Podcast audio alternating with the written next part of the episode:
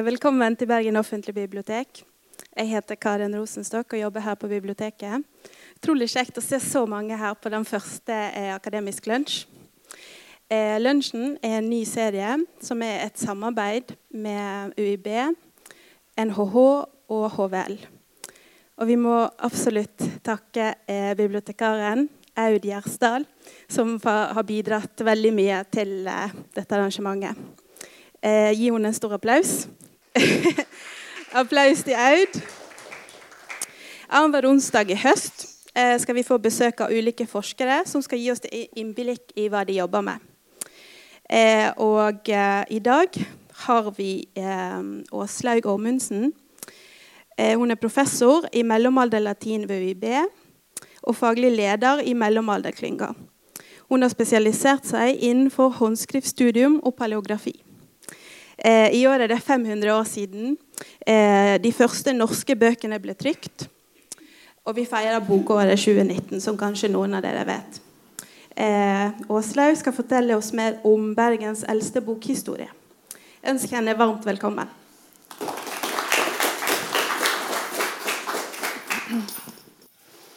Takk for det. Og takk Karen og takk Aud for invitasjonen til å komme her og snakke på Akademisk lunsj. Det setter jeg stor pris på. Og ikke minst i og med at eh, 2019 er dette året da vi feirer eh, de første eh, bøkene som ble trykte for norsk bruk, kan vi si. Vi skal se litt nærmere på dem.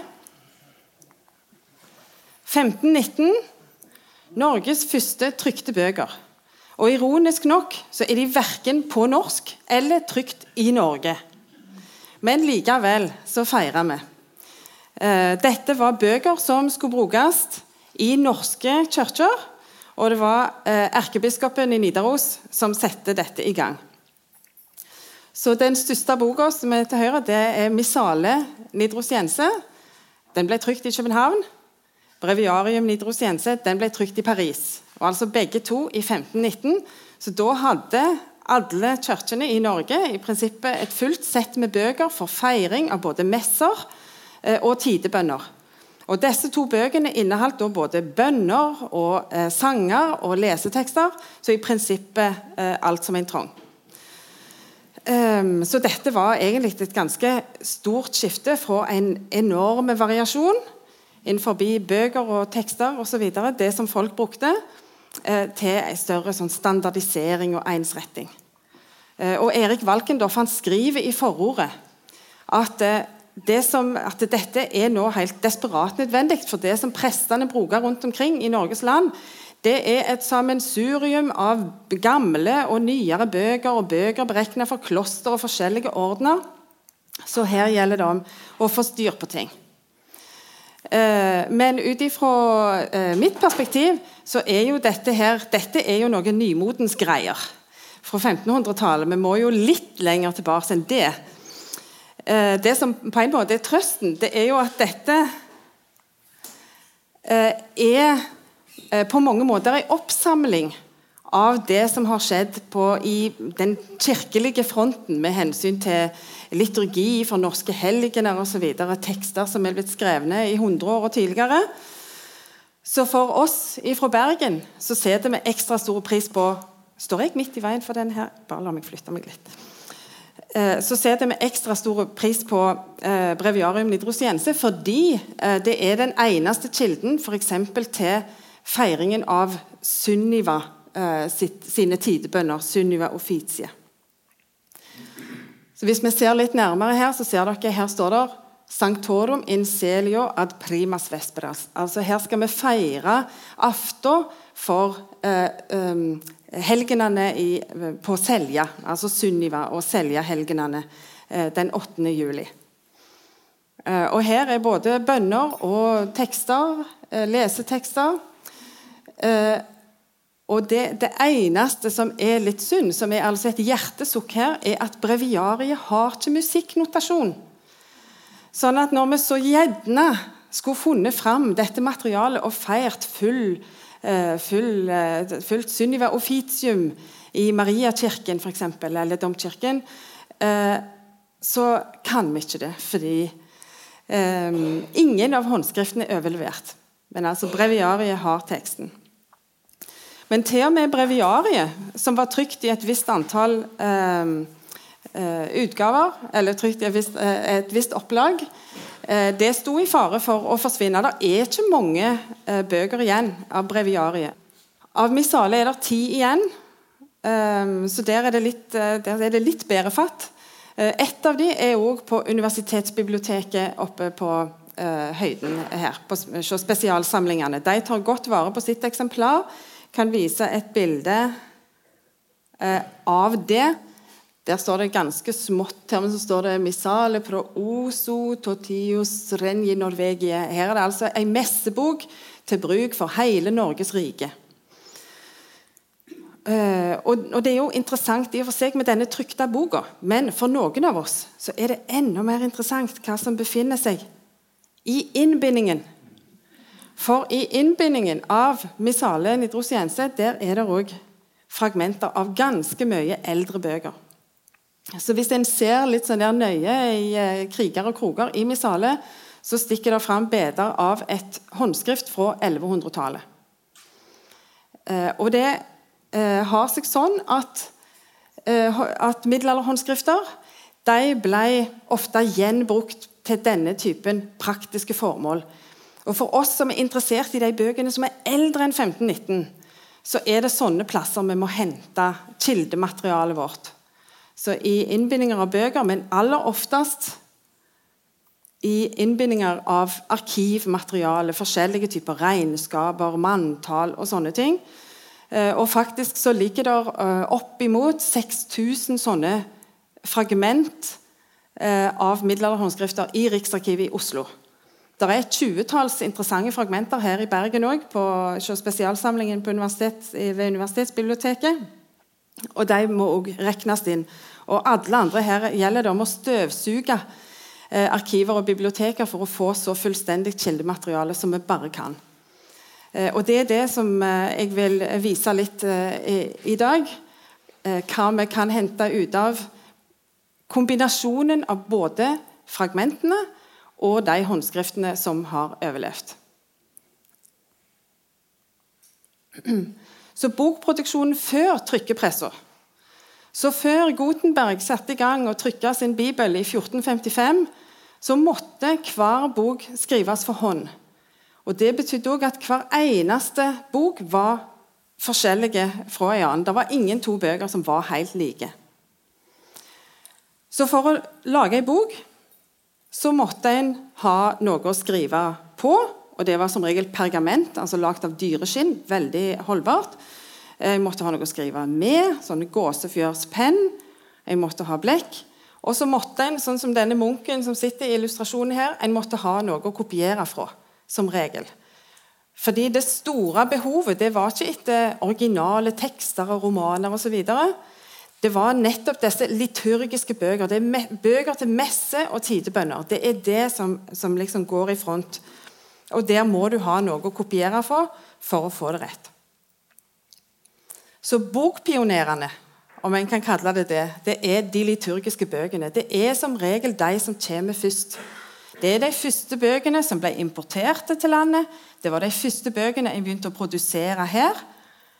Og som vi nettopp har sett, det var også de første bøkene som en valgte ut til å bli trykte. Og De eldste bokfragmentene som altså finner i Riksarkivet i Oslo, de er så gamle at de, daterer, de blir daterte til tida rundt de første kristningsforsøkene, altså Håkon Adalsteins fostre. Eh, på 900-tallet. Det er et par sånne 900-tallsfragment. Ingen av dem eh, er blitt brukte i Bergen, sannsynligvis. Hvis vi går til 1000-tallet, så begynner vi å komme til de eldste bøkene i Bergen. Og Da har vi altså hoppet mest 500 år til. Vi feirer et 500-årsjubileum, men vi skal hoppe 500 år til, eh, tilbake i tid. Så selv om vi kommer til å komme inn på andre bøker enn de liturgiske, så er det de som er, de er viktige i løpet av hele perioden. De må en hele veien drive, kopiere og spre og passe på at folk har oppdaterte bøker. eh, rundt omkring, både i institusjonene her i byen og i soknekirkene i, eh, i regionen. Og Den lokale bokproduksjonen i Bergen den begynte sannsynligvis under Olav Kyrre. Eh, kongen på 1000-tallet, eh, som ble konge i, etter at Harald, Harford, Harald Hardråde døde under sak ved Stamford i 1066. Da blir 16-åringen Olav Kyrre blir konge. Eh, og han var ganske fredelig av seg. Um, og Det kan en bl.a. se hvis en blar opp i Snorre og så leser en de forskjellige kongesagene. Og Noen disse krigerske kongene Snorre skriver opp og ned. Eh, Olav Kyrre han får liksom tre sider. Det er ikke så mye å si. Man kan liksom se for seg Snorre bare rive seg i håret fordi at det er liksom så lite av um, sånn sagastoff eh, som foregår det. det var, men Olav Kyrre han får til så mye andre ting. sånn at Vi som jobber med bokkulturen, vi har et veldig godt og nært forhold til Olav Kyrre. Han er liksom en av heltene. Og Det er en litt interessant kilde som forteller om Olav Kyrre. Eh, og Det er en engelsk kilde fra Durham. Eh, en som heter eh, Simeon of Durham.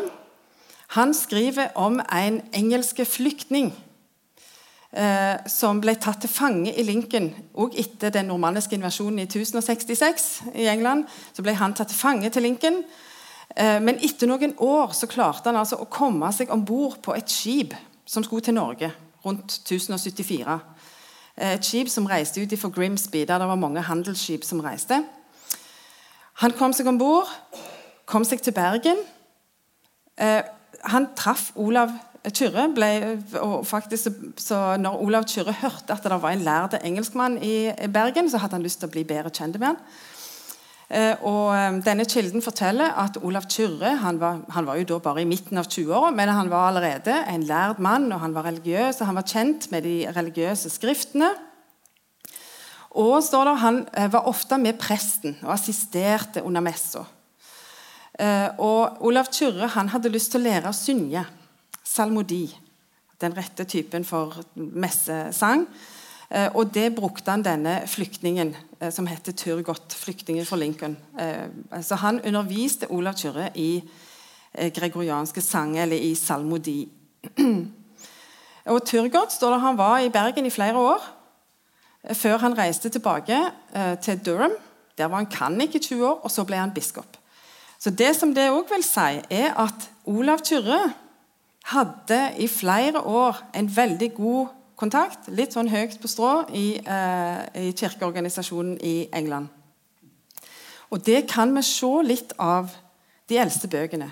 Så Hvis vi ser på et missale, altså i messebok igjen Kanskje eh, kopiert i Bergen eh, på slutten av 1000-tallet, altså sannsynligvis under Olav Kyrre. Dere ser litt nærmere på skrifta her. sånn. Den er jo ganske fin og tydelig og lett å lese. Det er musikknotasjon. Det er disse herne, liksom krøllete tingene dere ser her oppe. Dette er før det kommer inn nodelinjer. Så her er det mer for å hjelpe hukommelsen. Eh, det blir kalt for sånn notasjon i, i åpent lende, kan en si. Eh, og det som ekspertene kan se, det er at den som satt og kopierte den messeboka, den hadde et engelsk forbilde. Kanskje kopierte han fra en engelsk bok, men han hadde i fall en intensjon om å kopiere noe som så engelsk ut.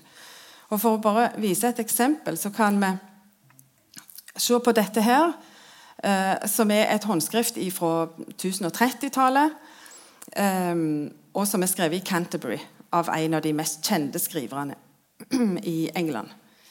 Så en ser eh, at her, her, er det liksom forbildet ligger for det håndskriftet. Um, så her har vi en ganske sånn håndgripelig engelske påvirkning, kan en si. En annen ganske håndgripelig engelsk påvirkning. Her er det så lite at dere kan ikke se det, men det er et fint eh, dobbelt som også er på spe spesialsamlingene eh, her ved universitetsbiblioteket. Og Det ble ikke skrevet her, men det kom sannsynligvis eh, fra England til Bergen. Og så ble det gjenbrukt på denne måten vi nå kjenner til, men i dette tilfellet klipte de det ikke opp i beder. De brukte det som et helt omslag. Så det ligger et dobbeltblad her med engelske skrivere fra rundt 1100. Så hvis vi nå ser på den veien disse både personene og eh, håndskriftene har vandra, så er det liksom noen sånne navn i England som er ekstra aktuelle. Det er Durham, som vi nettopp har hørt om, der Turgot eh, var eh, kannik. Du har Fountains, der kom munkene ifra til Lyse på 1100-tallet. Du har Lincoln, der var det sterke eh, bånd til Norge. Eh, London har vi eh, fragmenter ifra. Og så er det Winchester og Wessex. Der har kontakten vært store hele veien. Og her er det jo lett å se for seg at det var Det er jo en lang tur, men det var samtidig mange skip som gikk, og handelen den var ganske livlig i største del av den perioden som vi snakker om her nå. Så det har tidlig vært eh, en teori at Norge ble kristna fra England. Og selv om eh, ikke alle fragmentene er, fra tusentallet er enten engelske eller engelskpåvirka, det er òg andre ting, både, eh, ja, særlig en del tysk materiale eh, så tidlig, så ser fragmentmaterialet ut til å liksom bekrefte det. At det, ser, det er ikke urimelig. Så tusentallet, der har vi starten. Og Nå skal vi liksom hoppe, noen, hoppe århundre for århundre fram over i tid, og så får dere se hvordan ting forandrer seg litt og vokser. På 1100-tallet da er det klostervesenet. I forhold til bokproduksjonen så regner jeg med at flesteparten av bøkene ble produsert i kloster. Det skapte liksom de der gode rammene for um, Eh, for bokproduksjon. Du hadde ro og fred, du hadde tilgang til materialer, til både pergament og alt det du trong. Og det var tid til å sitte og kopiere bøker. Så Her er klostervesenet eksemplifisert med Nonneseter kloster, som ble grunnlagt på 1120-tallet som et benediktinerkloster. Og Det var jo ikke det første klosteret. Allerede rundt 1110-1111 eh, så regner jeg med at eh, kong Øystein grunnla eh, Munkeliv kloster på Nordnes. Så ganske tidlig, altså det som, på den plassen der det, som nå heter Klosteret Det er ikke noe kloster som en kan se, men det, det sto der og var Norges største kloster i flere hundre år like fullt. Um, og disse, så allerede ganske tidlig på 1100-tallet så hadde Bergen to um, sannsynligvis ganske velfungerende kloster eh, som etablerte seg ganske fort. Eh, og I forhold til de bøkene som ble produsert der, så vet en at de hadde bøker. Uh, og en vet at det var vanlig å produsere bøker, men vi har ikke helt kommet så langt til at vi har kobla faktiske fragmenter til noen av de konkrete klostrene ennå. Men hvis vi tar Nonneseter kloster, f.eks., så fant en i koret i Nonneseter kloster denne stylusen. Eh, en veldig fin eh, metallstylus som altså er blitt brukt til å skrive på vokstavler med.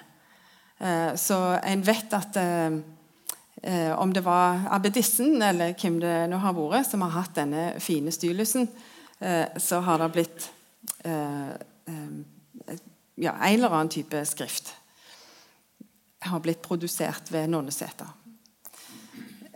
Hvis vi går videre til det andre klosteret, så er det en av, en av de fine bøkene fra uh, Bergen. Og Det er Munkelivs evangeliebok. Den ligger i Det kongelige biblioteket i København. og Den er så fin og hvit i sidene at det ser ut som den ble produsert i fjor. Um, og ganske ofte, denne, Dette skal dere få se nærmere, for dette er jo ganske fint, må vi si. For denne ble produsert i England ca. 1130. Så igjen ei bok som kommer her, til fra England. Og samtidig, på de tomme bladene som er helt til sist i boka, så er det altså det eldste eksempelet på norrøne skrift i Bergen. På norske skrift.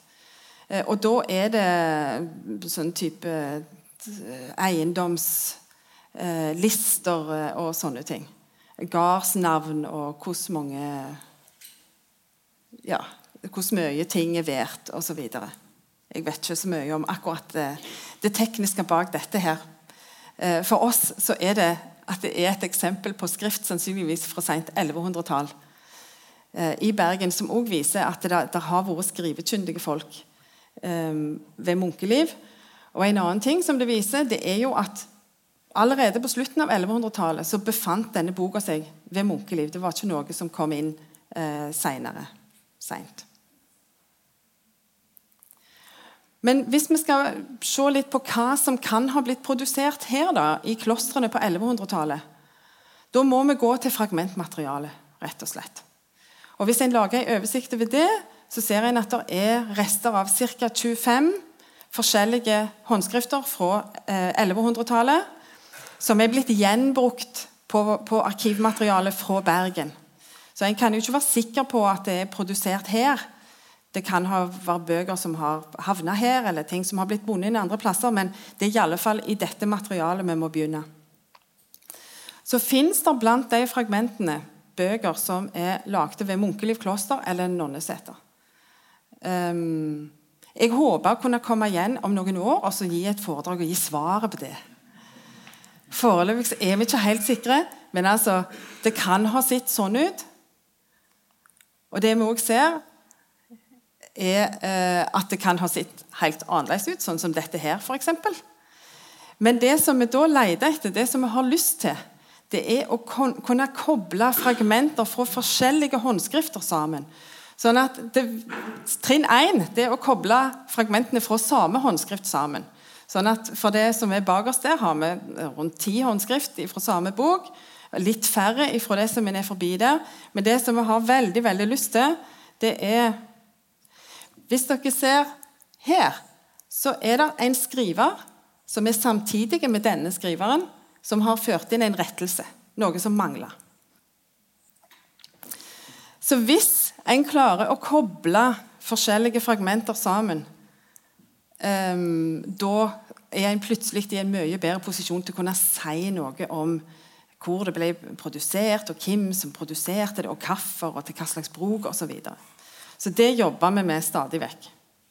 Eh, og heldigvis så er det tror jeg, flere livstider med forskningsprosjekter i dette materialet her. Så det er veldig bra. Og Da beveger vi oss ut fra 1100-tallet og klostrenes dominans. Og så går vi til 1200-tallet, og da blomstrer bøkene i Bergen. 1200-tallet er det store århundret for for bøkene i Bergen, rett og slett. Og for bokproduksjon. Da er det altså et mulder av bøker og forskjellige typer litteratur. Da kommer det religiøse litteratur inn, lærdom fra Europa. Eh, det blir lagd en ny liturgi til den hellige Sunniva. Det er da hun får offitiet sitt. Det er høveske diktning her, det er franske litteratur i oversettelse. Det er lovbøker, sånn som Magnus Lagerbøters landslov, for eksempel, som kommer i 1274. Det er reiseskildringer som blir skrevne, eh, og der er kongelige boksamlinger her i byen med noen fantastiske bøker. Så vi kan jo ikke vise alt her, men jeg skal gi et lite eh, et lite eh, en liten smakebete. Så det som vi skal gå til først, før vi går til, til, til dronninger og bøkene deres, det er eh, nemlig et eksempel på et skriptorium et skriptorium i Bergen. Eh, og Det er sannsynligvis ikke i et kloster, men det er i en av de institusjonene som hadde kanniker her i byen, altså som var prestekollegier. Der har vi et eksempel på fire skrivere som jobber i lag. Et av produktene deres er det som vi kaller for vår eldste bok. Og Det er den eldste boka som er eh, bevart på norsk det er gammelnorsk homiliebok. En homilie det er en preken. Så Den er produsert her i byen i første kvartal kan du si, av 1200-tallet. Mellom 1200 og 1225. Så midt oppi alt dette her som er tapt og klipt i småbiter og gjenbrukt, så har vi altså hatt skikkelig flaks med at gammelnorsk homiliebok eh, har overlevd. Eh, den er òg i København i dag, i den anamagnanske samlingen. den inneholder forskjellige typer tekster. Det er oppbyggelige tekster. Um, og det er ja, av religiøse tekster av, av europeiske lærde. Og Hoveddelen det er preiger gjennom kirkeåret. Det er 30 preiger i alt. og Det er preiker av forskjellige typer. De er oppbyggelige, det er preiker til helgenfester, og det er preiker til høgtidsfester som jul og påske f.eks.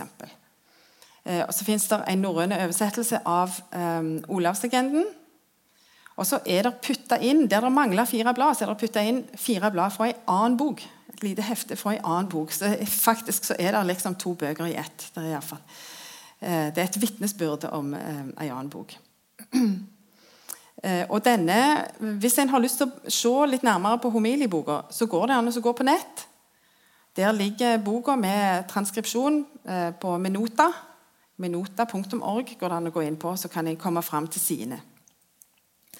Eh, her er vist et eksempel fra Olav den hellige sin festdag 29.07., som altså ikke har en preken, men som har, um, uh, som har uh, en oversettelse av Passi Olavi, altså Olavslegenden. Uh, og det er vel og bra med ei hel bok. Det er jo luksus. Men som jeg har sagt før, så vil vi jo helst ha mer. Vi vil ha grupper med bøker. Og takket være Lilly Gjerløv, som det er bilde av oppe i hjørnet der, som var en stor liturgiforsker, veldig flink eh, paleograf og bok, eh, bokforsker. Hun identifiserte blant fragmentene i Riksarkivet to eh, fragmenter fra to eh, liturgiske bøker eh, som hun mente måtte komme fra samme skriptorium som homilieboka. Og det har hun i grunnen helt rett i. Det må være samme skriptorium. Og Da har en altså messebok med eh, tekster, bønner eh, og sanger uten notasjon. Og så har en et antifonarium, som er en sangbok til tidebønnene. Og Her også kan en se hvordan en feirte f.eks. Olsok i Bergen. Hva slags sanger en brukte til Olsok i Bergen, som var de, stort sett de samme som en hadde i resten av, av landet. Så Da har en ei gruppe på i alle fall tre bøker med gammelnorsk homiliebok og liturgiske bøker med musikknotasjon. Men mens en tidligere hadde trodd at dette var fem forskjellige skrivere som sto bak dette, her, at en hadde faktisk et skriptorium med fem forskjellige skrivere som hadde produsert disse, så regner jeg nå med at dette er én skriver. Og det er først og fremst den engelske paleografen Michael Gullick. Vi bruker engelskmennene fremdeles og henter kunnskap fra dem. Vi holder oppe tradisjonene fra middelalderen. Det er klart vi må. Han mente at gammelnorsk homiliebok er ikke skrevet av fire skrivere, sånn som en trodde, men én. Og de liturgiske bøkene er ikke skrevet av en femte skriver, sånn som en trodde, men samme mann. Og det er det nå ganske generelle, om, eh, generelle enighet om at sånn må det være. Så nå skal dere få vurdere sjøl hva dere syns. Her har vi homilieboka. Der er missalet vårt. Og så Her er skrifteksempler fra begge. Så Den øverste er altså norrønt fra homilieboka. Den nederste er latin fra Missale. Ser det for dere ut som om dette er samme person, eller er det to forskjellige personer?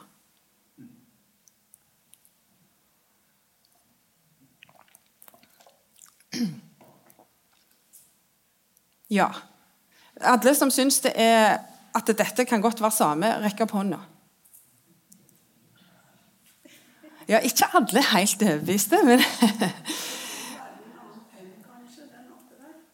Ja, og det er nettopp det. det. her er det noen som sier at det med penn f.eks. har noe å eh, si for hvordan resultatet blir seende ut. Og, det er helt sant. Eh, at når folk, at det ser litt forskjellig ut, så kan det ha med pergamentet oppfører seg litt annerledes, pennen oppfører seg litt annerledes. Kanskje har det gått fem år, kanskje har en en litt dårlig dag.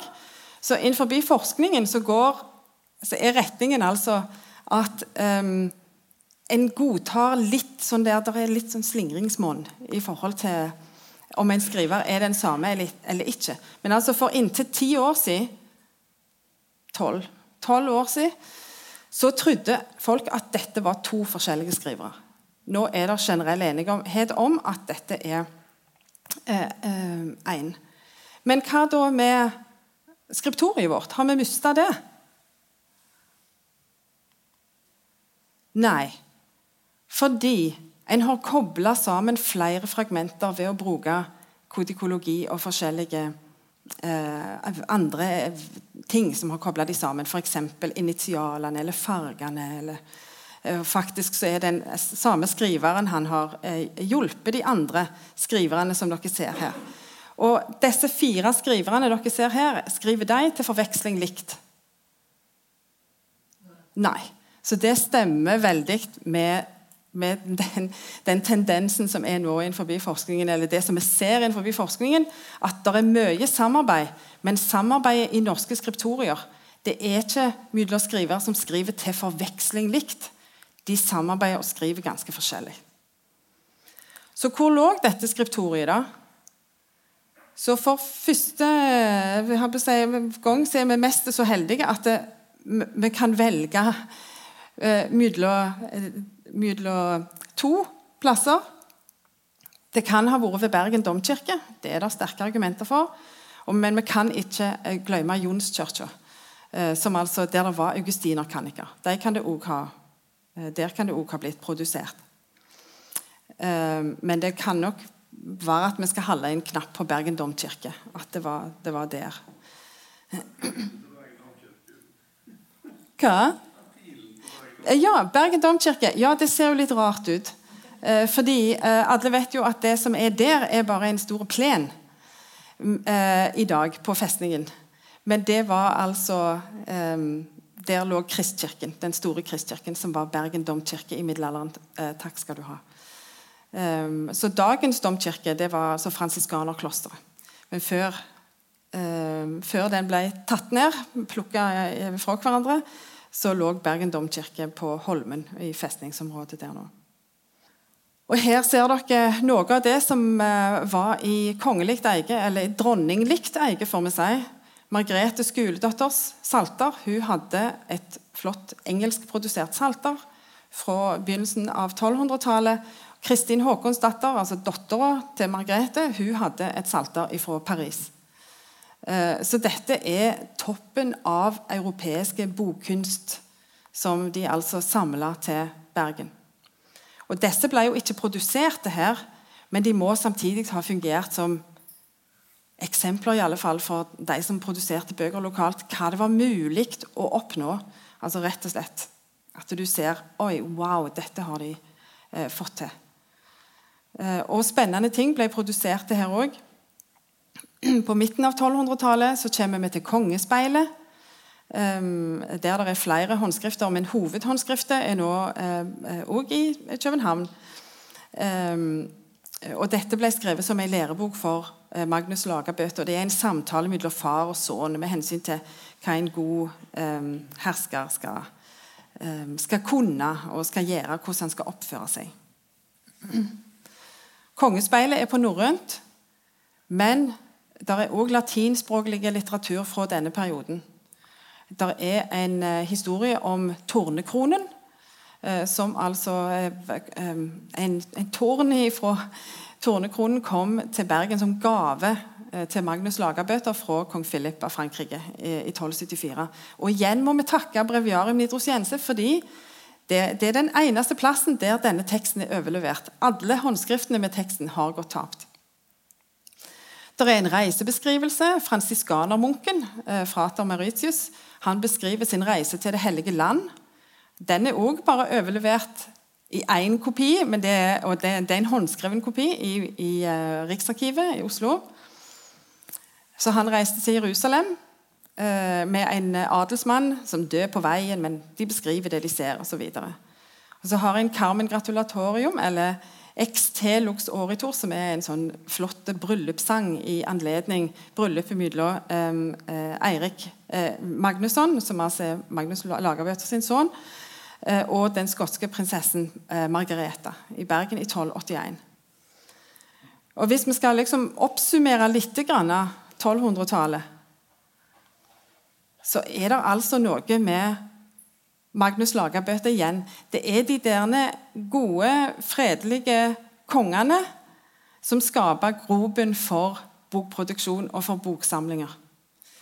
Så Vi ser bilder av Margrethe Skulesdatter Salter. Margrethe var Magnus sin mor. Kristin, som eikte det andre salteret, det var Magnus sin søster. Kongespeilet vi nettopp så, det var et læreskrift skrevet for Magnus.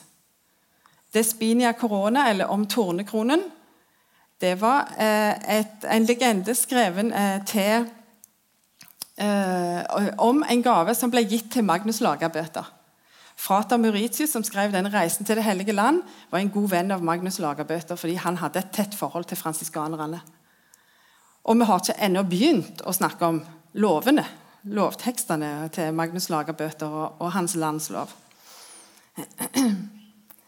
Og Det tillater ikke tida annet enn at vi skal bare svippe innom Magnus Lagerbøters landslov eh, på 1300-tallet før ting egentlig bryter sammen.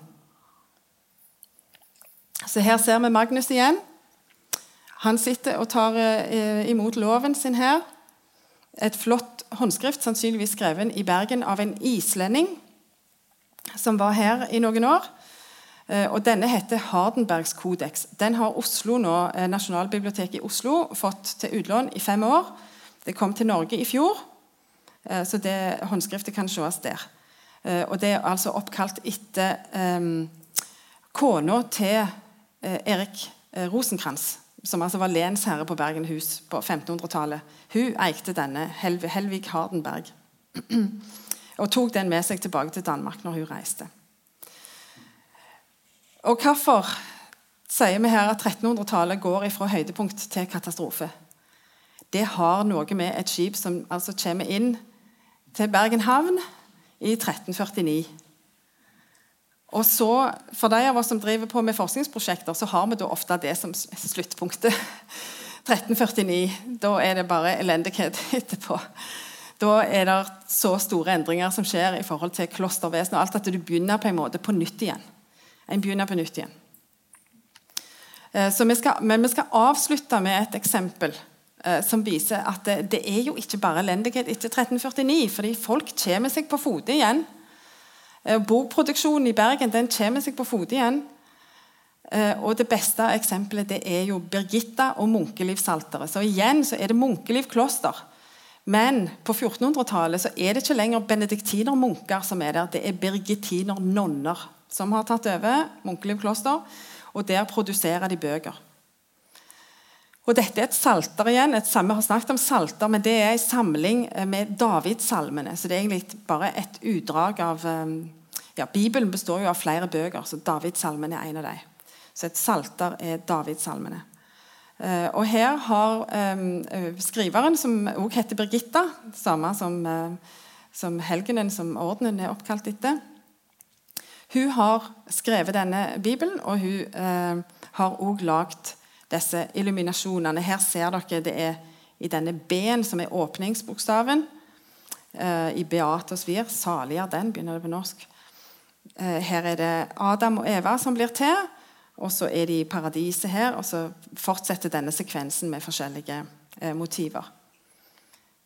Så det som hun skriver, er jeg, Birgitta Sigfusdotter, nonne i klosteret Munkeliv ved Bergen, har skrevet dette salteret med initialer, det får hun med, om enn ikke så godt som jeg burde. Be for meg, ei synderinne. Så er det ekte beskjedenhet eller ikke, det kan en jo diskutere, men hun får i alle fall med at det er hun som har lagd uh, disse dekorerte forbokstavene. Og i tillegg så har hun skrevet hele håndskriftet. Og har sett på det som heter en kolofon, en sånn eh, merknad på slutten om at det er hun som har lagd det. Um, så, så med, med, det eksempelet på bokproduksjon i Bergen så har vi gått gjennom århundre for århundre. Og da nærmer vi oss så smått 1519. Takk.